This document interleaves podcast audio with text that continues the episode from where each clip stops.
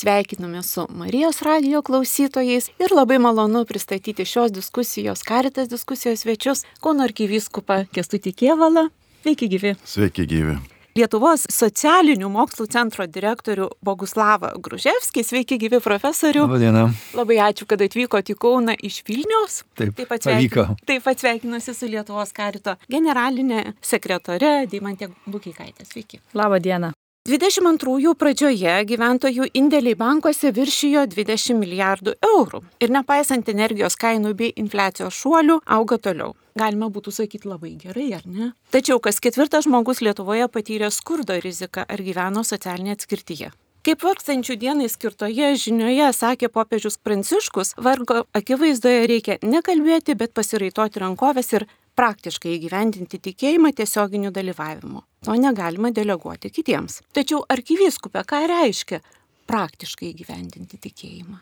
Tai reiškia įkūnyti savo tikėjimą. Tikėjimas nėra tik tai idėjos arba geri jausmai, gražios emocijos. Tikėjimas yra iš tikrųjų darbas. Be darbų tikėjimas net miręs, pasak švento rašto. Tai mūsų tikėjimas yra vertinimas konkrečiai, netgi pagal vargšo pagalboj matą. Pavyzdžiui, mato 25 skyrius mes skaitome paskutinio teismo sceną, kurioje Jėzus įvardina gerus darbus - aplankyti ligonį, sušelbti vargšą, aplankyti kalinį ir pagal tai aš būsiu vertinamas ar esu tinkamas dangaus karalystėje. Tai reiškia, mano gyvenimo kokybė yra vertinama per tą darbą, gerą žmogui, kuris yra iš tikrųjų dideliai kartais įtampoj sudurt galą su galu. Ir mes tokių žmonių matome savo aplinkoje. Ir tiesą sakant, jeigu esu tikintis, aš negaliu ramiai į tai žiūrėti. Aš turiu, pasak popiežiaus pranciškaus, raitotis rankovės. Dabar kaip konkrečiai tas, mes esame apdovanoti išmintimi, protu ir, aišku, dabar tikrai galimybėmis ir sąlygomis, kokių anksčiau nebūta nei mūsų tėviniai, nei pačiam pasauliu. Kad yra sukauptos tokios sumos, rodo, kad žmonės jau moka taupyti, kad jie rūpinasi savo saugumu. Tas viskas tvarkoje. Aš turiu rūpinti savimi, bet rūpestis savimi iš tikrųjų apima rūpestį vargšu. Nes jeigu aš jais nesirūpinsiu, galop mano visuomeniai, kurioje aš noriu išlaikyti saugumą, prasidės aižėjimas, suskilimas. Dar daugiau visuomeniai kyla įtampos, kurios gali nuvesti iki revoliucijų, iki karų ir panašiai. Tai mes turime kreipti dėmesį, tikėjimą įgyvendinti darbais ir pagaliau tokiu būdu save auginti tai karalystė, apie kurią kalba mūsų viešpats. Profesoriu, bet ką rodo tas skurdo lygis Lietuvoje? Tikrai čia ypatingai svarbus rodiklis, kuris charakterizuoja mūsų visuomenę ir labai malonu, kaip čia jo ekscelencija akcentavo tą veiklumą. Tokiu būdu skurdas rodo neveiklumą. Mažai to, aš turiu pasakyti, kad dažnai šitaip mes nevertinam reiškia skurdo, bet iš principo skurdas yra ypatingai geras rodiklis, kuris parodo ne tai, kad mūsų visuomenės būsena, pavyzdžiui, vertinant tą veiklumą, neveiklumą, bet labai daug ką pasako apie mūsų ateitį. Ir kadangi čia esam Marijos radio studijoje, tai tikrai labai gerai būtų prisiminti Amoso knygą. Jeigu ir žiūrovai, gal ir klausytojai galėtų pakelti, reiškia, po mūsų laidos ir pažiūrėti, ten yra tokie žodžiai, kad kalba eina apie Izraelio valstybė, taip jau viskas funkcionuoja, sėkmingai funkcionuoja, bet ką pastebi reiškia pranašas, kad turtams augant neteisybė dar labiau siautėjo. Ir grinai tą matom Lietuvoje. Labai gerai pastebėjote ir jūs savo įvadę pasakėt, kad turim, reiškia, virš 20 milijardų, tai viena didžiausių sumų, kuria buvo fiksuota kaip Lietuvos gyventojų turtas. Bet faktiškai turtėja visas pasaulis turtėja. Jeigu mes paimtumėm, gerai tas rodiklis gal negeriausias, bet BVP nacionalinis turtas, taip, ir jeigu mes matytumėm nuo 20 amžiaus pradžios, jis visą laiką auga. Jis visą laiką auga, o mes pastoviai girdim, ypač po antro pasaulinio karo, kad auga neligybė, Ir dabar vis garsiau kalbam apie augantį skurdą. Tai kažkokia nesąmonė visiška, mes nesuvokiam, ką darom, kaip gali būti. Jeigu mes turtėjam, kaip gali būti skurdas, kodėl jis auga. Ir dabar, pavyzdžiui, kalbant apie Lietuvą, vėl tą patį matom, kad niekad nebuvom tokie turtingi. Bet žiūrėkit, kiek vargo, kiek įtampos. Bet ką mokslas apie tai sako? Tai va, žiūrėkit, mokslas ir sako, kad jeigu mes tokiu būdu charakterizuojam savo visuomenę per reiškia gerovę, tai aišku, parodo didelį egoizmą, mokslas ir parodo faktiškai, vat, ir sociologijos tėvai, pradininkai, pavyzdžiui, jeigu paimsim Durkheimą, tai jis jau 20 amžiaus pradžioj kalbėjo apie anomiją, tą susvetimėjimą. Tai vat, kam reikalingas turtas, jeigu jis žlugdo visuomenė. Taip, turtai buvo daug žmonių turtingų ir po to eina karai ir viskas eina vėjais. Ir dar žmonės supranta, prisimena ir šventą raštą, ir prisimena, reiškia, dvasinį gyvenimą, bet nukenčia, galingai nukenčia. Tai turbūt ir čia laidoj šitoj, ir šimtą kartų turbūt jau buvo pasakyta, ypač katalikų krikščionių tikėjime, akcentuojama, sustokite tada, kada galite, kada turite. Dabar mes daugiau rūpinamės, reiškia, apie plytelių spalvą savo vonios kambariui, negu tai skurdžiais, kurie šiandien negali valgyti ir net gal yra mūsų kaimynai. Dažniausiai užsidarom, užstatom, reiškia, arba užsodinam tujom, kad nematyti to neprižiūrėto kiemo, o ten yra likimai. Tai aš norėčiau pasakyti, nežinau, kiek čia, kad nesuplakt viską į vieną, jūs akcentuojate tą matomą skurdą. Ir atitinkamai Amosas irgi kalbėjo apie matomą skurdą. Tai, kad vieni turtėja, o kiti faktiškai vargsta. Bet aš turėčiau atkreipdėmėsi į tą nematomą skurdą kuris iš tikrųjų yra priežastys to matomo skurdo. Tai yra tas dvasinis gyvenimas, dvasinio gyvenimo skurdumas. Ir jis padaro, kad aš turėdami viską nemoku pasidalinti, kadangi matau tik save, nematau reiškia tos dieviškos tikrovės. Tai aš manau, čia yra problema ir mes faktiškai neužkabinam šito. Ir kiek yra turtingų pasiturinčių žmonių, kur faktiškai yra absoliutus vargšai, skurdžiai. Mažai to labai blogai, kad jie dažnai daro įtaką politikai. Jie primeta tas žaidimo taisyklės. Aš nesakau, kad tai yra absoliutus blogis. Tai yra nuo Dievo valia. Taip turi būti. Bet kalbant, jeigu apie mūsų perspektyvas, apie šalies ateitį, pažiūrėkite, Amoso knygai aiškiai parašyta, koks likimas buvo tos tautos faktiškai labai žiauriai baigėsi jiems. Tai tikrai nelinkim savo, nelinkim mūsų pasauliui, bet tikrai manau, kad ir, ir mūsų ta laida, ir aplamai šitie rodikliai turėtų didinti mūsų blaivų požiūrį, kad nieko nepaimsi su savim į kitą pasaulį. Taip, o paimsi tai, ko pasidalinsi. Ko pasidalinsi, tą rasi, o ką paliksi savo, bus tau kaip akmuo. Karitas sako pasidalinti ką, pamatyti, karitas mm -hmm. sako. Mhm, Klausimas jums mm -hmm. visiems, mm -hmm. o kokie tie skurdo vargo veidai yra, mm -hmm. Dimantė? Iš vienos pusės labai atrodo lengva įvardinti, jau ką tik paminėjom, dvasinis skurdas, tai reiškia, vat, veidas, dabar kaip mes matom to dvasinio skurdo veidą, ne? Tada materialinis skurdas, na tai tokie yra veidai, kurie yra bendraja prasme, bet mums reikia tiesiog apsidaryti savo aplinkose. Ir mes tikrai pamatysim žmonės, kurie patiria įvairių iššūkių gyvenime ir susiduria su vargu, su skurdu, su kitais sunkumais. Ir štai, ir tai yra veidas. Tai yra veidas jauno žmogaus, veidas vaiko ateinančio į mūsų vaikų dienos centrus, tai yra veidas vienišos seniorės, kuri sunkiai pragyvena, tai yra veidas žmogaus, kuris gyvena gatvėje ir mes tą žmogų sutinkam prie bažnyčių, prie prekybos centrų, prie konteinerių. Yra veidas žmonių, kurie patiria smurtą ir yra skurdo veidas žmonių, kurie serga priklausomybės lygomis. Tai skurdo veidas, jis nėra kažkoks tai net pažįstamas ar vieniem labiau matomas, kitiem mažiau. Mums reikia savo aplinką pažiūrėti. Kitas dalykas, jeigu mes kalbame apie skurdo veidą, kuris yra, tarkim, emocinis, psichologinis, dvasinis, tai gal mums reikia pažiūrėti veidrodį Ir vat skurdo veidas mes esam, nes visi turim gyvenime patirčių ir skurdo iššūkių, kurie nebūtinai yra materialiniai, bet pavyzdžiui, esu vienišas ir tokį skurdą patiriu, pažiūriu veidrodį ir aš matau veidą. Tai vat, toks yra skurdo veidas, kurį tikrai mes savo bendruomenėse, savo kaiminystėje, per televizorių, socialiniuose tinkluose mes tikrai galime jį matyti ir atpažinti. Popiežius sako, pasiraitokim rankovės ir pirmin, arkiviskupė. Kaip? Daimantai paminėjo daugybę dalykų ir kad net veidrodyje pamatę save, galim sakyti, aš irgi kažkurioje vietoje esu skurdžius. Kaip šitoj situacijai? Tai pirmiausia, tai požiūrio keitimas mes kiekvienas iš tikrųjų gauname tos iniciatyvos, entuzijazmo ir jėgos pirmiausiai santykio su kurėju.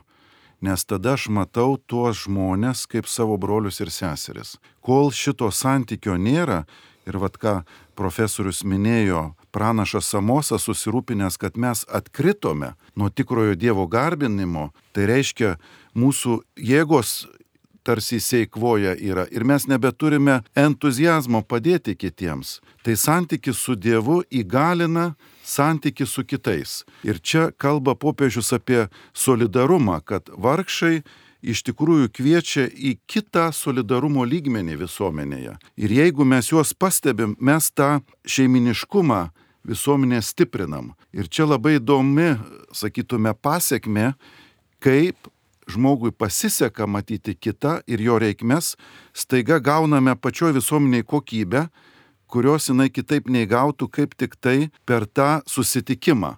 To, kuris gali padėti ir tam, kuriam reikia padėti. Pavyzdžiui, Na, sakytume, šiuo metu vat, mes tiesiog esam karo situacijoje ir reikia mums ištiesti ranką Ukrainos žmonėms.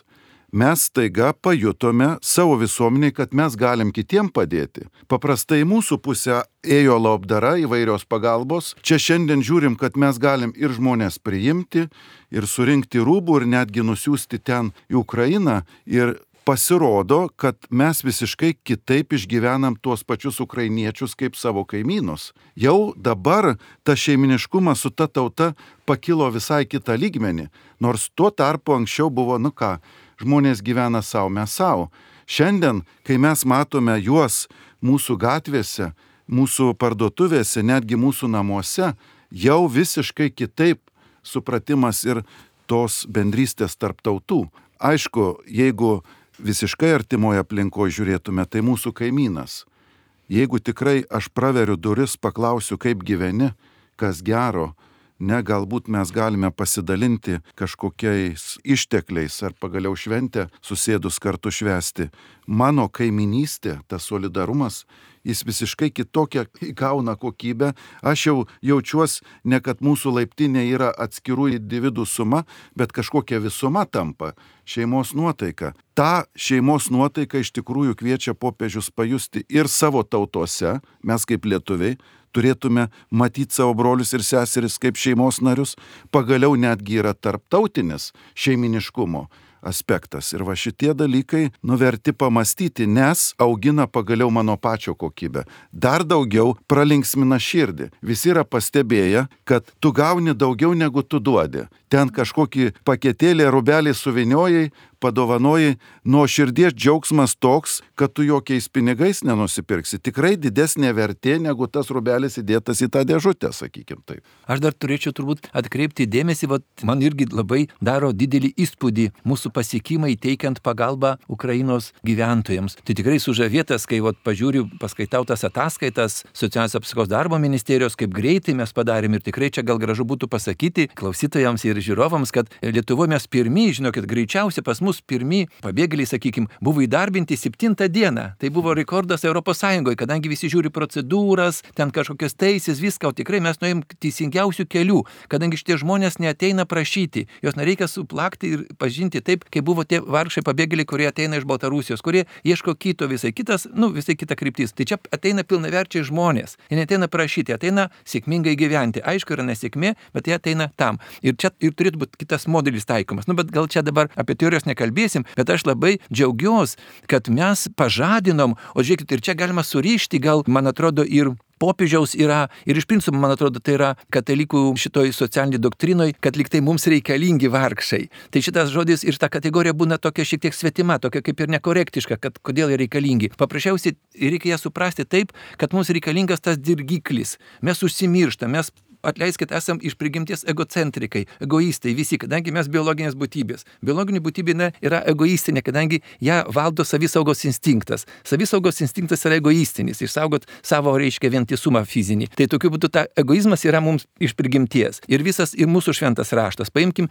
kitų religinių sistemų šventus raštus. Ar Koraną paimkim, ar, reiškia, Mahabharatą, nu nesvarbu, bet visur surasite, kad visos religinės sistemos kaip tik skatina žmogų apsaugot nuo savo egocentrizmo. Todėl bendruomeniškumas yra atsakas. Todėl, reiškia, Dievas ir kviečia į bendruomenę, kviečia, reiškia, į tam tikrą kryptį kuris orientuotas už žmogaus interesų ribų, kad tai pasiaukok, aukoji save ir gauni amžinybę. Tai aš tik noriu pasidžiaugti tikrai tai mūsų pasiekimais, o iš kitos pusės labai vat pergyvenu, kadangi norėtųsi, kad ta šviesa, kurią sublizgėjo mūsų visuomenė. Žiūrėkit, mes esame tryti Europoje, kurie teikiam pagalbą šimtų tūkstančių gyventojų. Mes daugiausiai priimėm, suprantate, turėdami, nu, objektyviai tai skaičius nedidelis, ten apie 700 tūkstančių, bet pagal mūsų gyventojų skaičių bendrai mes esame tryti, suprantate, kurie kurie aukojam, priimam ir integruojam. Tai aišku, labai norėtųsi, kad ta kultūra, kad ta šviesa, kad tas užsidėgymas patektų vis labiau į mūsų viešąjį valdymą. Kad reiškia ta dvasia, vad karito dvasia, kad jinai taptų viešojo valdymo dvasia, kad tikrai tie sprendimai būtų labiau socialiai jautrus, kadangi tokios Lietuvos norėčiau ir manau, mes tokios Lietuvos visi svajotumėm, kad vat, jos būtų kuo daugiau, kad būtų kuo daugiau tos šviesos, gailestingumo, to veiklio gailestingumo.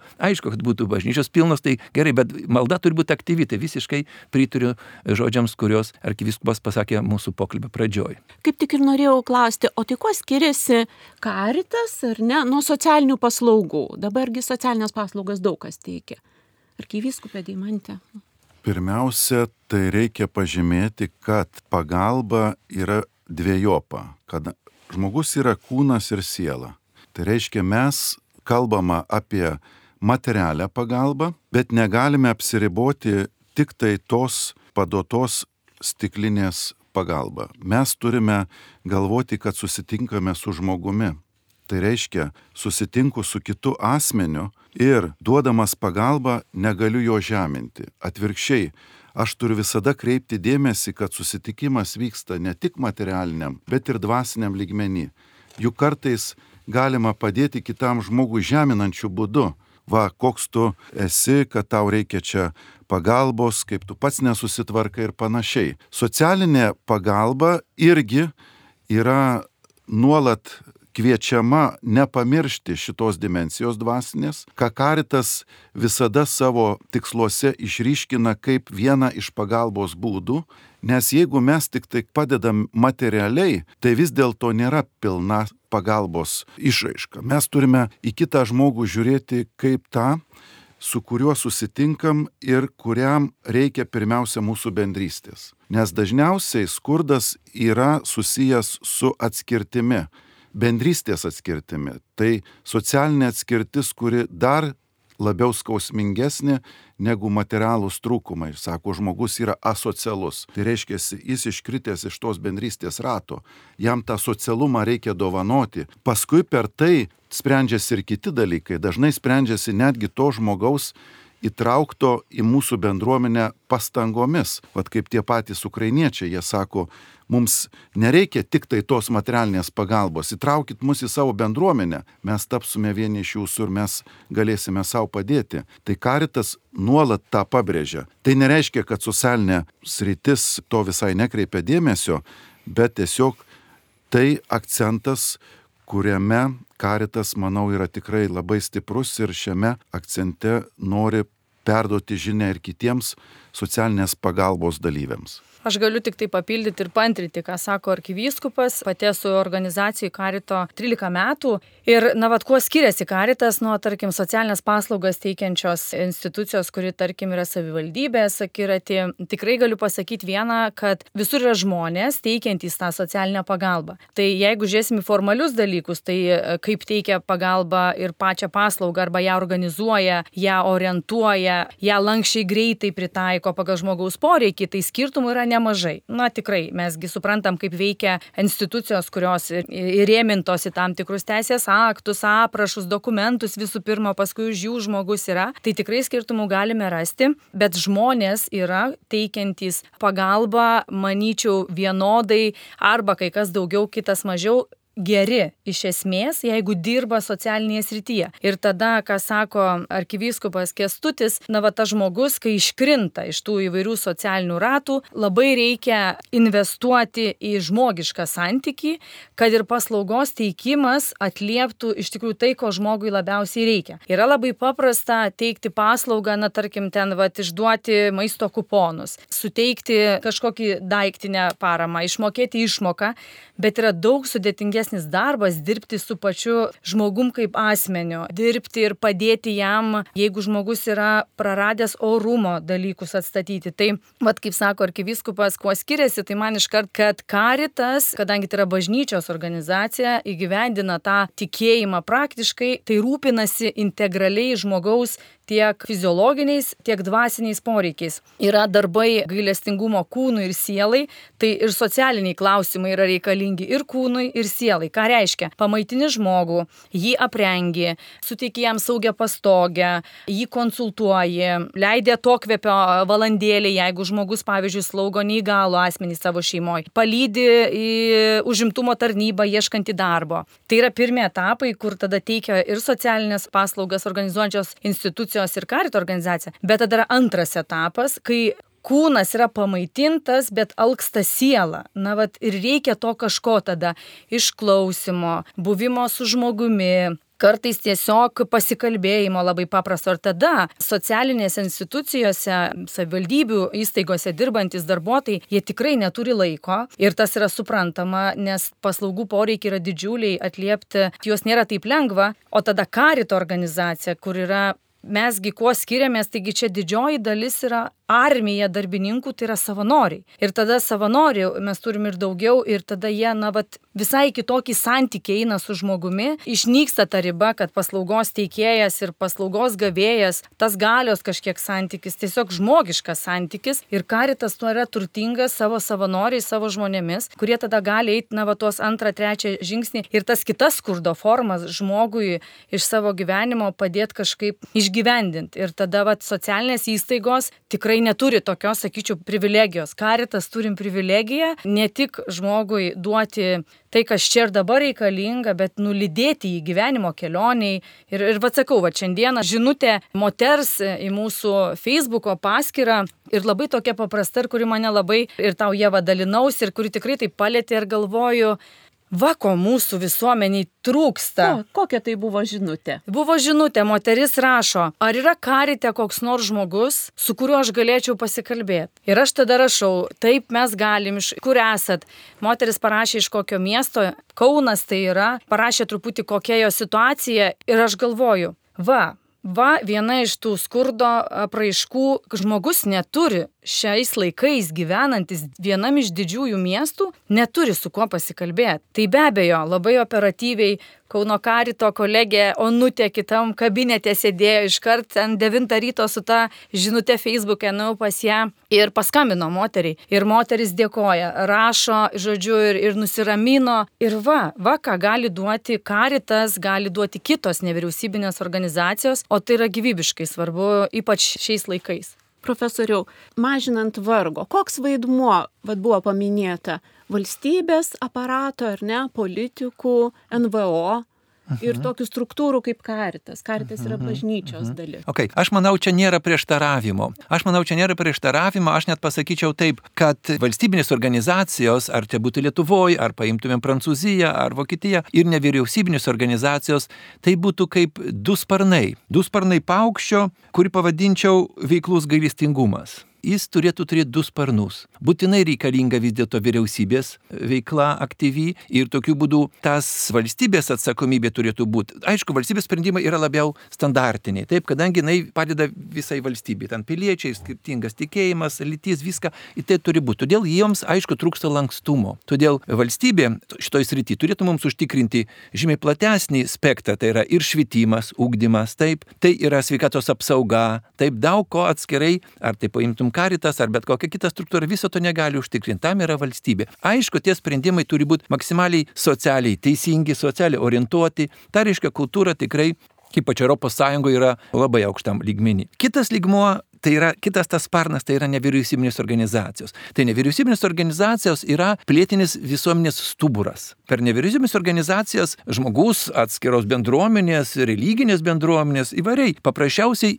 institucionalizuoja savo valią. Kadangi negrai kiekvienas atskirai gatvėje kažką sakys. Nu, ne, mes nežinom, ar jis pagristai tą sako, ar jis, reiškia, nu, atleiskit, kažkokių problemų turi psichinių, negerai. Per nevyriausybinę organizaciją jau toks filtras, jis taps lyg savimi, jis bus, reiškia, specifinis ar tos religijos grupės ar ką, bet aišku, jau jis bus institucionalizuota, tai bus tikrai kažkokia civilizuota nuomonė, kurią galima pateikti. Todėl labai svarbu, kad valstybei būtų labai stiprus nevyriausybinio organizacijų tinklas. Tai parodo toleranciją, tai parodo pilietiškumą. Taip, iš kitos pusės, aišku, ypatinga įtaka, kalbant apie vos socialinių problemų sprendimą, tai yra savanorystė. Tikrai mes čia, nu, atleiskit, labai atsiliekam nuo ES vidurkių pavyzdžiui, šveicaras tai dalyvauja kažkur vidutiniškai. Šveicaras dalyvauja šešiose nevyriausybinėse organizacijose. Vienas? Vienas. Nu tai gali būti kaimynų bendruomenė, gyvenvietės bendruomenė, įmoniai profsąjungos, pavyzdžiui, narys, nu daug tokių, bet įsivaizduot, kiek daug. Į tokių įvairiausių struktūrų, nu tam ir krašto apsaugos, tarp kitko, tai va, irgi labai paplyti. Tai tikrai čia mes turim galimybę aukti ir va, puikiai platforma yra Karitas, Maltiečių ir daug kitos struktūros. Tame tarpe, pavyzdžiui, medžiotojų burelis, taip, gali būti irgi visai gera struktūra ir geriau būtų, reiškia, burelė, negu ten savanoriškai, savarankiškai. Profesoriu, minėjote, kad šešiose vidutiniškai savanorystėse šveicaras dalyvauja, taip. bet mūsų savanorė Karito genutė biržuose turi 180 ukrainiečių prižiūri. Ai, nu va. Ir vieną moterį atlydėjo dar pati su sugipsuota rankytė, uh -huh, uh -huh. atlydėjo vieną moterį ukrainietį į Kauno kliniką sergančią onkologinę lygą. Uh -huh, tai didžiulė pagarba uh -huh. ir iš tikrųjų šitam žmogui ir visiems žmonėms, kurie prisideda prie mūsų visuomenėje aktualių problemų. Absoliučiai, aš tik noriu vat, baigti, žiūrėkite, Taip. kad aš tą ir minėjau, prieš tai mes kai aptarinėjom, kaip tik tas grožis, kuris pasireiškia per mūsų pagalbą ukrainiečiams, mūsų pasiaukojimą dabar mūsų karių, žinokit, mūsų krašto apsaugos ministerijos ministerijos, kiek aukojama, kiek reiškia dalinamasi su ukrainiečiais. Tai aš ką ir noriu sakyti, norėtųsi, kad tai nebūtų, suprantate,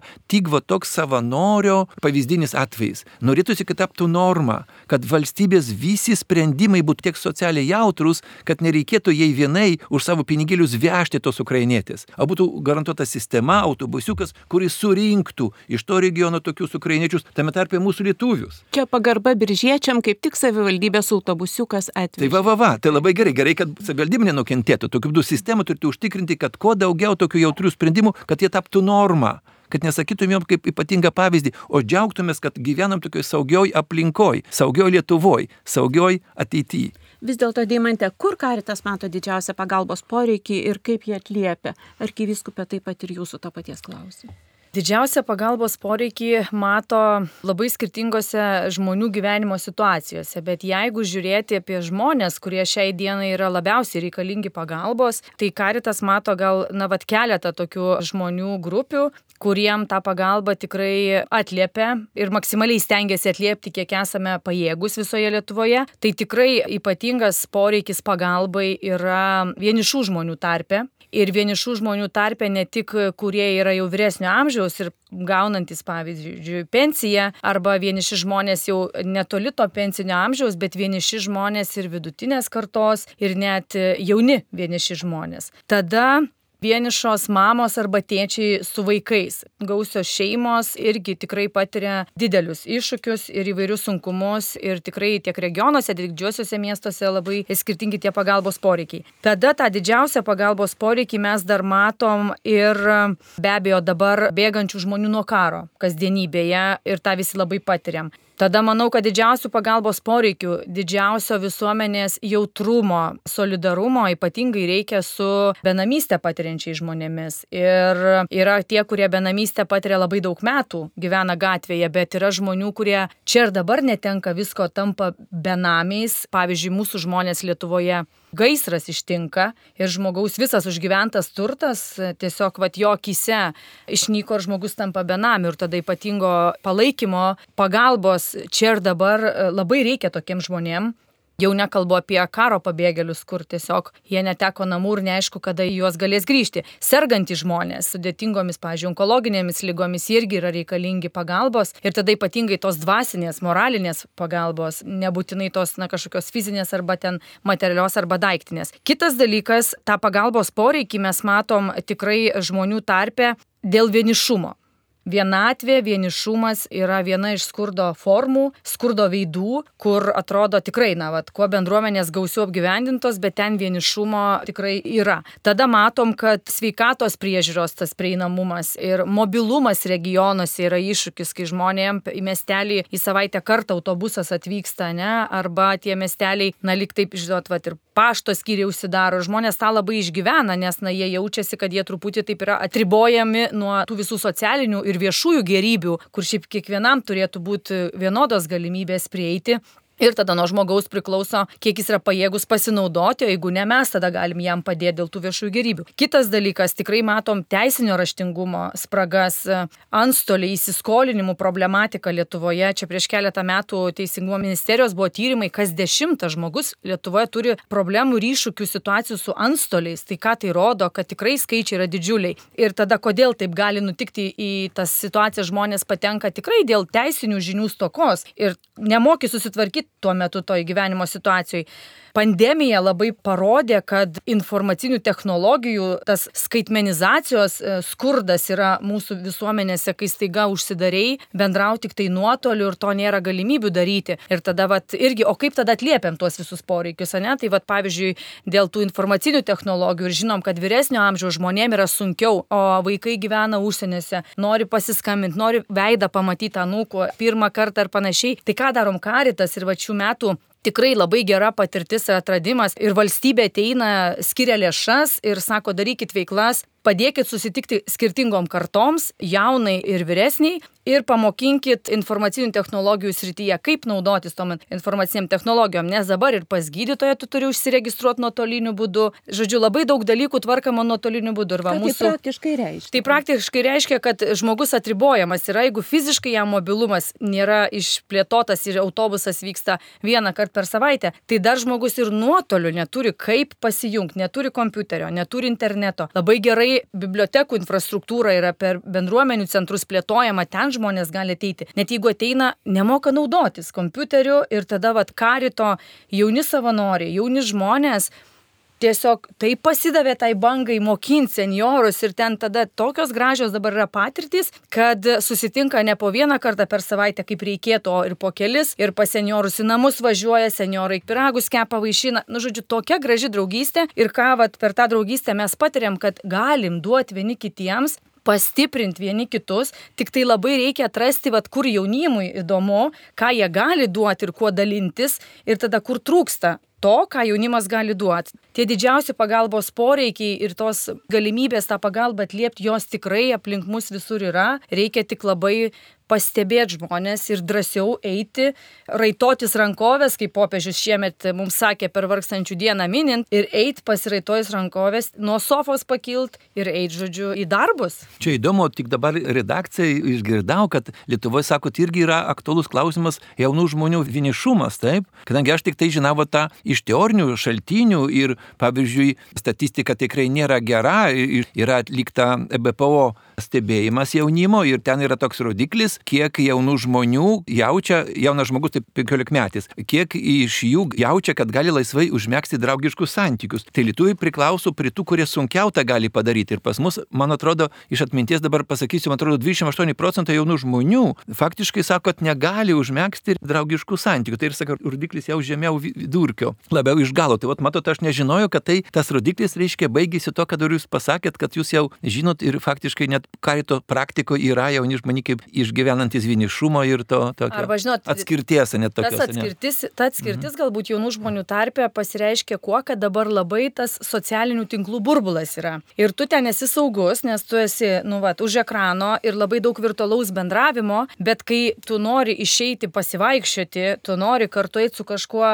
kamolį paspardyti, tada staiga nėra, nes, na, va, labai sunku ištrauktos jaunus žmonės iš tų mhm. socialinių tinklų. Ne visus, yra dalis jaunų žmonių, kur eina, daro gražias iniciatyvas yra labai daug gražių dalykų. Bet taip, mes sutinkam jaunus žmonės, kurie lyg ir nori ir gali būti reikalingais, bet tada sako, na, vad, ką daryti, nežinau kur, nežinau, kas gali pakviesti. Ir tada mes suprantam, kad arba, pavyzdžiui, jaunimas labai nori kažką konkretus žmogus daryti, bet jaučiasi vienišas, nes jam visi sako, eisi tu ten kažkur, darysi, tai geriau, vad, ten, žodžiu, kažką pažiūrėk, ten kažką, na, tiesiog palaikymo negauna. Jeigu žmogus jaunas mums rašo, galiu į savaitę kelis kartus kažką padaryti, gal kažkam malkų prinešti reikia kiekvieną vakarą, tarkim, ne? Tai, nu, vad, gal savo aplinkoje tokio palaikymo jis tokiai minčiai negauna, tada jis ieško, kur tą gali daryti. Tai man atrodo, jaunų žmonių savanorystė bendrai, kaip jūs profesoriau paminėjot, savanorystė Lietuvoje, na, dar jisai toks mes matuojame šitą rūbą, ne? Vieni labai daug sluoksnių prisirengiam ir kiti dar taip, dar tai pabandom. Skirtingų savanorystės formų yra, bet bendrai žiūrint į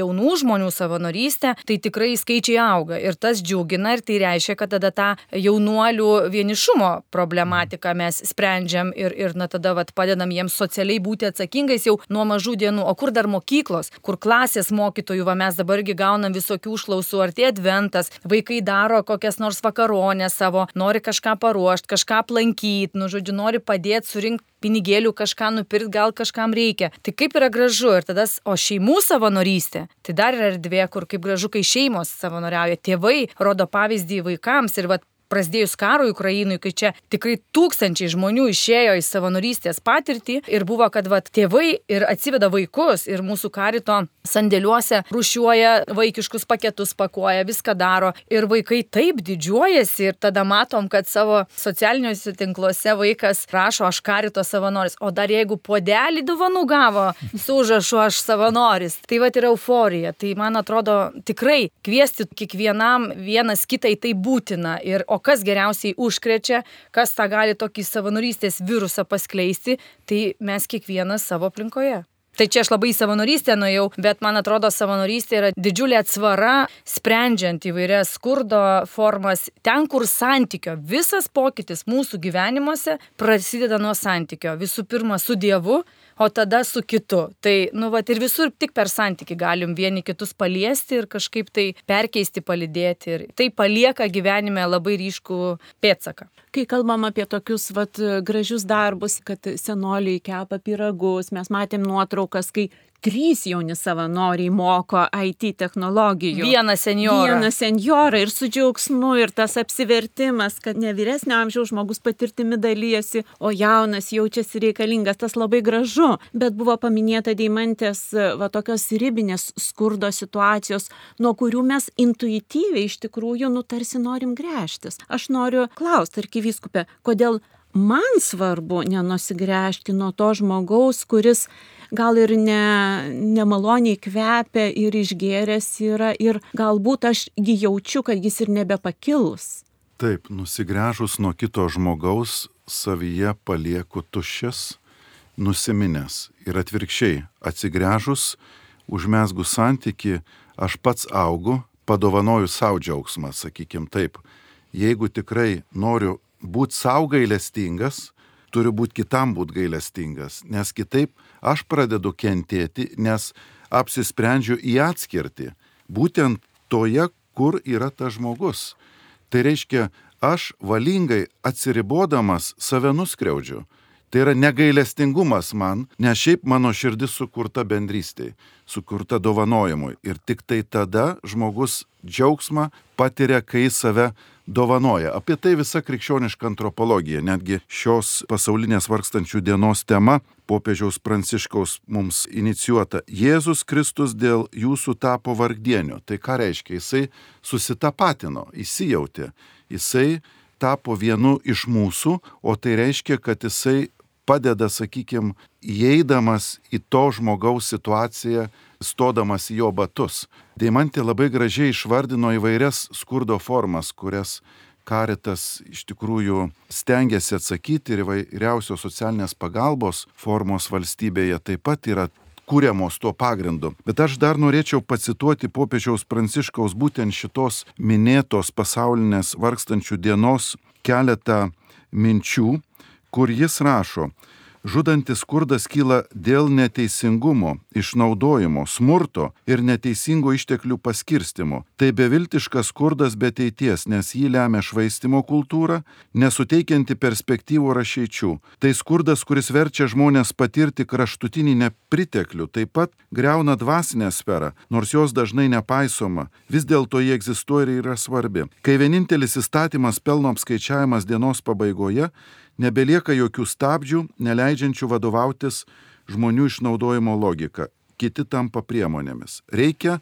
kitų matavimo būdų, ne tik tai, sakykime, tuo, kuriuos mes taip įprastai ir gerai naudojamės tie materialūs apčiuopiami, bet kiti matavimo būdai, kurie pamatuoja, pavyzdžiui, širdies kokybę, tą minėtą solidarumo kokybę visuomeniai, pagaliau džiaugsmo ir laimės kokybę, kurios kitaip neįsigysi, kaip tik ištiesdamas kitam ranką ir pasiūlydama širdį. Aš papildysiu, manęs irgi draugai, mano aplinkoje žmonės, kurie mane pažįsta artimiau, kiti ne. Tai va irgi, ką jie vaklausiai, kaip pradėti nuo savęs ir padėti žmogui, kuris tavat gal netaip atrodo, netaip kvepia, agresyvus yra, nu žodžiu, ne tas, kuris laukia tavo pagalbos, kaip tokiam padėti. Aš visada sakau, tai va pabandyk, pabandyk susitikti su tokiu žmogum, ir su juo tiesiog pabūti. Ir tokie dalykai labai perkeičia Bet asmeninę. tai kur, Deimantė, susitikti? Kur man pabandyti susitikti? Tai e, savo pavyzdį galiu Jėvą pasakyti ir gal tu jo pasinaudosi. Tai čia buvo prieš keletą metų,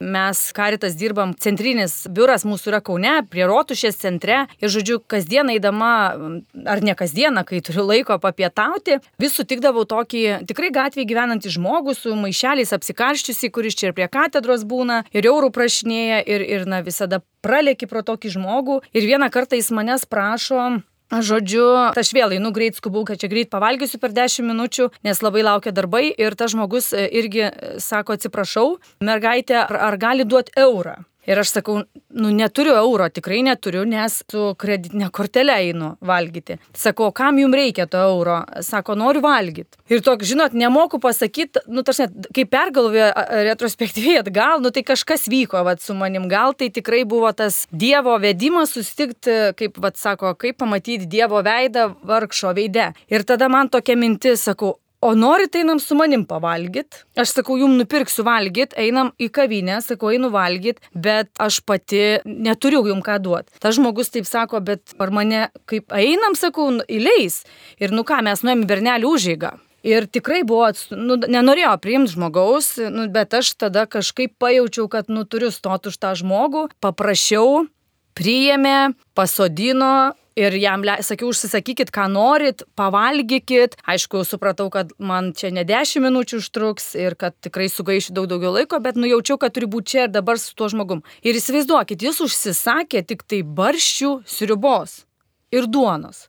Daugiau nieko. Ir aš jam skutai jūs daugiau, nes man tai atrodo, kad, na, va, gatvėje žmogusgi nori valgyti, nu, gal valgo tiek, kiek nori. Baršius ribos. Ir ta patirtis, na, aišku, ten žmogus suvalgė tą baršius ribą, ten aš jį turėjau įsivesti, nes man tokia sąlyga tik tai jį priėmė į kavinę ir aptarnavo. Ir mes pavalgėm, padėkojau ir, ir padavėjam dirbusiam. Ir, ir man atrodo, va, ta patirtis ne tik mane asmeniškai pakeitė, pakeitė tą žmogų ir pakeitė aplinką, į kurią mes atėjom. Nes šiaip tokie žmonės yra neįleidžiami. Ir tada, va, aš savo aplinkoje sakau, va, pabandykit tokį, nes čia man buvo avantūra, iššūkis, bet tai labai palėtė asmeniškai. Ir, ir ką reiškia nueiti su gatvėje gyvenančiu žmogumi į kavinę pavalgyti? Va ką reiškia? Tai niekada nesužinosim, kol patys su tuo nesusidursim. Tai niekada negali žinot gyvenime, kokią situaciją atsidursi, bet jeigu kažkas kviečia, tai eik ir pabandyk pasavanoriauti, prisilies prie žmogaus sudėtingos situacijos ten, kur dar nesi buvęs. Nes kur esi buvęs, tai jau ten toks yra patogumas, sakytų mane, nes jau liktai žinai. O va išvesk save, kaip va arkiviskupas gražiai sakė apie tą širdies treniruotę, širdies nuotaiką, tai man atrodo, būk drąsesnis ir, ir Aš tik norėčiau pasakyti, kad labai sunku, žinokit, reikia tik Taip. reikali- reikalinga treniruotė. Važiuokit, kol davai jūs pasakot, aš prisimenu tokią istoriją iš savo, irgi buvo mano senelio giminaitis, irgi vyresnio amžiaus ir žinau, jis jau buvo, nu, silpnos sveikatos, bet kadangi senelis jį lankė, senelis mirė, O jis labai mylėjo mano senelį, nu tai aš jau po senelio mirties pradėjau jį lankyti. Nu ir vieną kartą ten, kitą kartą užėjau, po to žiūriu, jis jau silpnėjo sveikata. Jis buvo mylėtojas alaus, pavyzdžiui, tokį vis dar nupirdavo alaus. Ir vieną kartą irgi jau visai pamiršau ją aplankyti, o jau artėja kalėdos. Nu tai aš ten irgi, vat, kaip jūs turėdamas ten kažkur 20 minučių, man reikia į šoną ten nusukti, mašiną kažkur pastatyti. Nu tai aš greit nupirkau ten to alaus, ten kažkokio nu, žuvies, kad užkasti, ką nors geresnio. Ir bėgu, kad jį vat aplankyti, nu porą minučių pabūti, suprantu, kad negražu tik palikti ir išeiti. Tai vat apgalvoju, kad ten 10-15 minučių pabūsi, nu ir įsivaizduojat, einu bėgu ir guli, o tai, nu, grodis. Šalta, šlapia buvo tokia šilta žiema, guli žmogus, matosi turbūt išgeręs. Aš skubėdamas prabėgau tą žmogų. Po to prisiminiau, kad čiagi žmogus kurtų. Bet ašgi skubu pastadėdė. Tengi liktai viskas dėl širdies, dėl dvasios, kaip arkiviskupas sako. Nu bet čia žmogus. Grįžtų pas... Jau prabėgau gal kokias ten porą šimtų metrų. Grįžau. Sažinė suveikė. Galvoju, pakelsiu jį, nu atremsiu į medį, pasodinsiu, pastatysiu, nu bet Nu viską darau, jis tik tai toks besąmonės, bet tai aš pavyko pakelti, jis nešvarus, aš aišku įsitepiau. Bet jau tik to, sakau, pastatysiu, kad saugiai būtų, kadangi sušal šlapia. O jis paima ir pasako, nuvesk mane namo. Suprantate, visi mano planai žlunga. Ir aš to slenkščio nepraėjau. Aš atrimiau į tą medį ir nuėjau pas dėdę ir po to grįžau jau to žmogaus nebuvo. Tai nėra taip paprasta, aš noriu pasakyti. Aišku, džiaugiuosi, kad jums pavyko, bet vat, klausytojams, žiūrovams noriu sakyti, nebijokit, gal nepavyks, gal ne iki galo padarysit, bet bandykit. Vis tiek man atrodo kažkas vyks. Nu, man nepavyko, gal kitiems pavyks. Taip ir niekada nežinai, kiek reikės kartų treniruotis. Irgi, ja, ja. Jeigu, va, žinot, norim jaustis geriau, kad savijauta gera būtų, tai lankom sporto klubus, Ja, ja, ja, sveikatinamės. ja, ja, ja. Taigi ne vieną kartą nueini ir pavyko jau, ne? Taip, taip, taip. Tai tu tą treniruojasi, tai širdies treniruotė irgi yra lygiai tas pats procesas ir gali būti, kad po dešimto karto, kai praeisi, prabėgsi pro žmogų, neskirsi laiko, net pažinsi, kad jis ilgisi tavo žvilgsnio, kad pats paimtum ir pasakytum, žinai, turiu tau laiko. Pasišnekam. Mhm. Taigi, kaip mes dabar visi laiko neturim. Mhm. Visada girdi, neturiu laiko. Iš tikrųjų, tai prioritetus truputį netaip dėliojam ir laiką netaip Mhm. paskirstom. Bet man atrodo, treniruotė visą gyvenimą yra reikalinga, rūpinantis tais, kurie yra šalia mūsų ir kuriems labiausiai ta reikalinga pagalba. Paribiai pastebėti, kur labiausiai. Dar kas vat yra, gal čia mes tą pokalbį būtumėm ir pasukę, ką dabar rodo vat, auganti infliacija, šildymo kainos padidėjusios, mokesčiai žmonių, kad pagalbos ir dabar tikrai valstybėgi labai kviečia kreiptis žmonės dėl tų kompensacijų. Ir ką mes kaip karitas jaučiam, kad yra aplinkoje žmonės, kurie dar, na, vat, sako, dar nesikreip, nu, liktais, vat, nemalonu prašyti, čia, žodžiu, aš čia pats bandysiu, bet mes sakom, eikit, atėjo laikas, kai valstybė jums, ir čia nėra pašalpa, čia yra kompensacija susidūrus su bendrai tokia, nu, visuotinė krize, kur čia ne dėl tavo, ar tu ten daug uždirbi ar mažai, čia tiesiog bendra tokia, nu, yra infliacija, visus palėtė, ir geriau gyvenančius, ir, ir blogiau gyvenančius, tai eiti ir naudotis tą pagalbą, kuri šiuo metu yra tau, bet Vat vėlgi čia yra žmonės, tikrai kartais, na, net drąsos reikia juos išjudinti, kad padrasint, paskatint, tai tą dar mes galim daryti savo aplinkoje.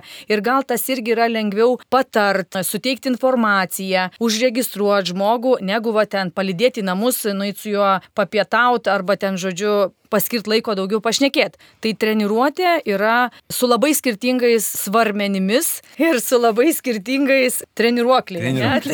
Bet svarbu norėti treniruotis. Arkiviskupė, tai mums belieka vis- visus pakviesti į širdies treniravimo klubą vardu Karitas, ar ne dabar, kur savanoriauti gali turbūt ir jauni, ir vyresnio amžiaus žmonės, ir tiesiog padrasinti kitus, kuo pilniau gyventi savo gyvenimą, ar ne? Taip, pilniau gyventi gyvenimą, labai gražiai pasakyta, jūs apšiai turėsite gyvenimo, Jėzaus žodžiai, reiškia, kad pilnatvė ateina vis dėlto ir mano sutikimo dėka, nes jeigu tik tai imu, aš nepasiekiu tos kokybės, tos pilnatvės, kurios iš tikrųjų mano širdis ilgesi. Jos nori, žino, kad jinai yra, iš tikrųjų mes bliksnius tos kokybės patiriame šiandien bei ten, nes vis tiek žmogui tai šiandien, tai ten pasiseka, bet man reikalingas padrasinimas.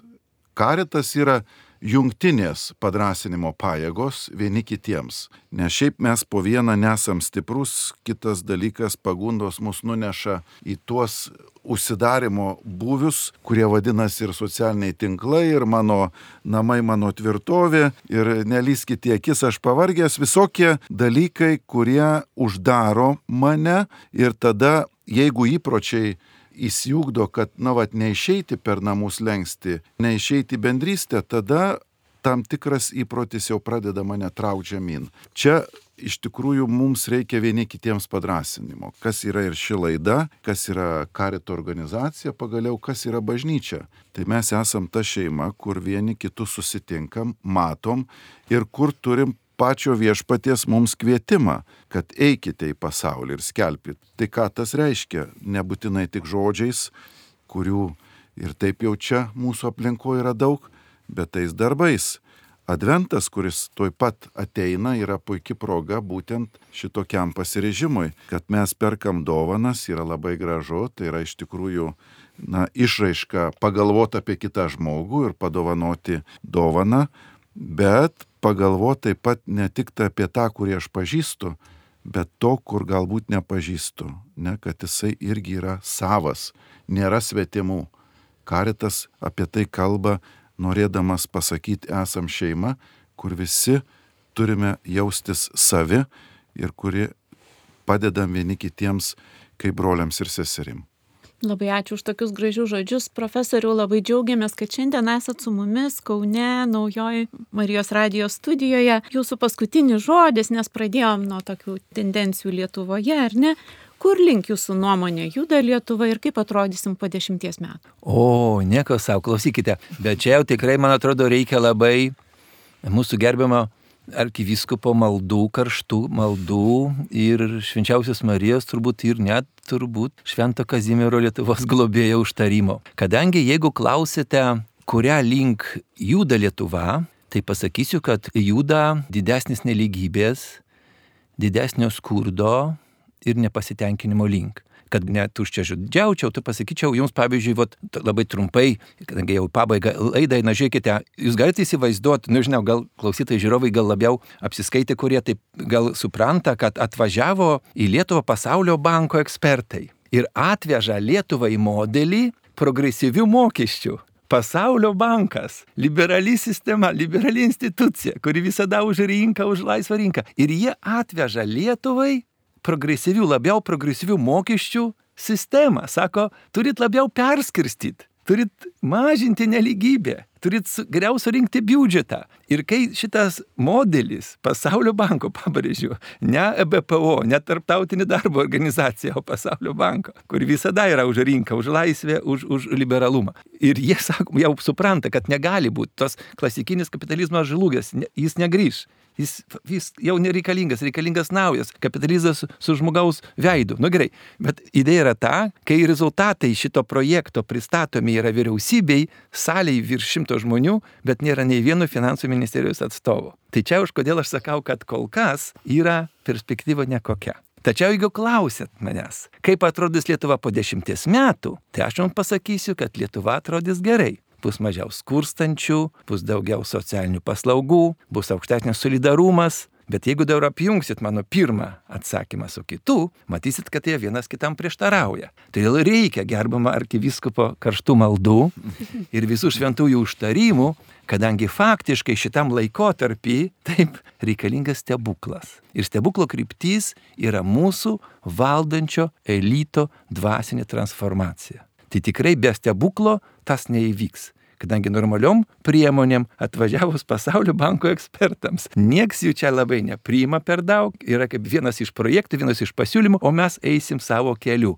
O kelias mūsų nekoks. Kodėl tokia didelė migracija? Kadangi žmonės nesijaučia patenkinti. Nėra to šilumos, apie kurią mes dabar čia kalbam. Ir faktiškai vyksta ne todėl, kad čia mažai uždirbama, čia galima gerai uždirbti. Ir tie 20 milijardų sukauptų, tai yra sukauptų pagrindė čia Lietuvoje. Tai reiškia išvažiuoja, kad nėra tos šilumos, nėra to jautrumo, apie kurį mes kalbam, kuris yra šitoj tautoj. Yra, šimtai tūkstančiai yra. Jie važiavo į Ukrainą, vežė tos žmonės, dabar dalyjasi savo būstų, kvies tos žmonės savo šventęs kartu dalinsis, reiškia, kalėdiniam dovanom. Mėly kolegos, yra kita Lietuva. Reikia, kad jinai valdytų, kad jinai vadovautų, kad jinai vestų mus į tą šviesų rytojų, bet be jūsų maldų germas arkiviskupė ir be stebuklo, kuris dažnai vyksta šitoj žemėje, aš manau, mes šito kol kas, mano nuomonė, nepasieksim. Kadangi klausytojams ir žiūrovam žadėjome, kad diskutuosime valandą, tai išsėmėme šitą laiką. Labai ačiū visiems diskusijų dalyviams. Priminsiu, kad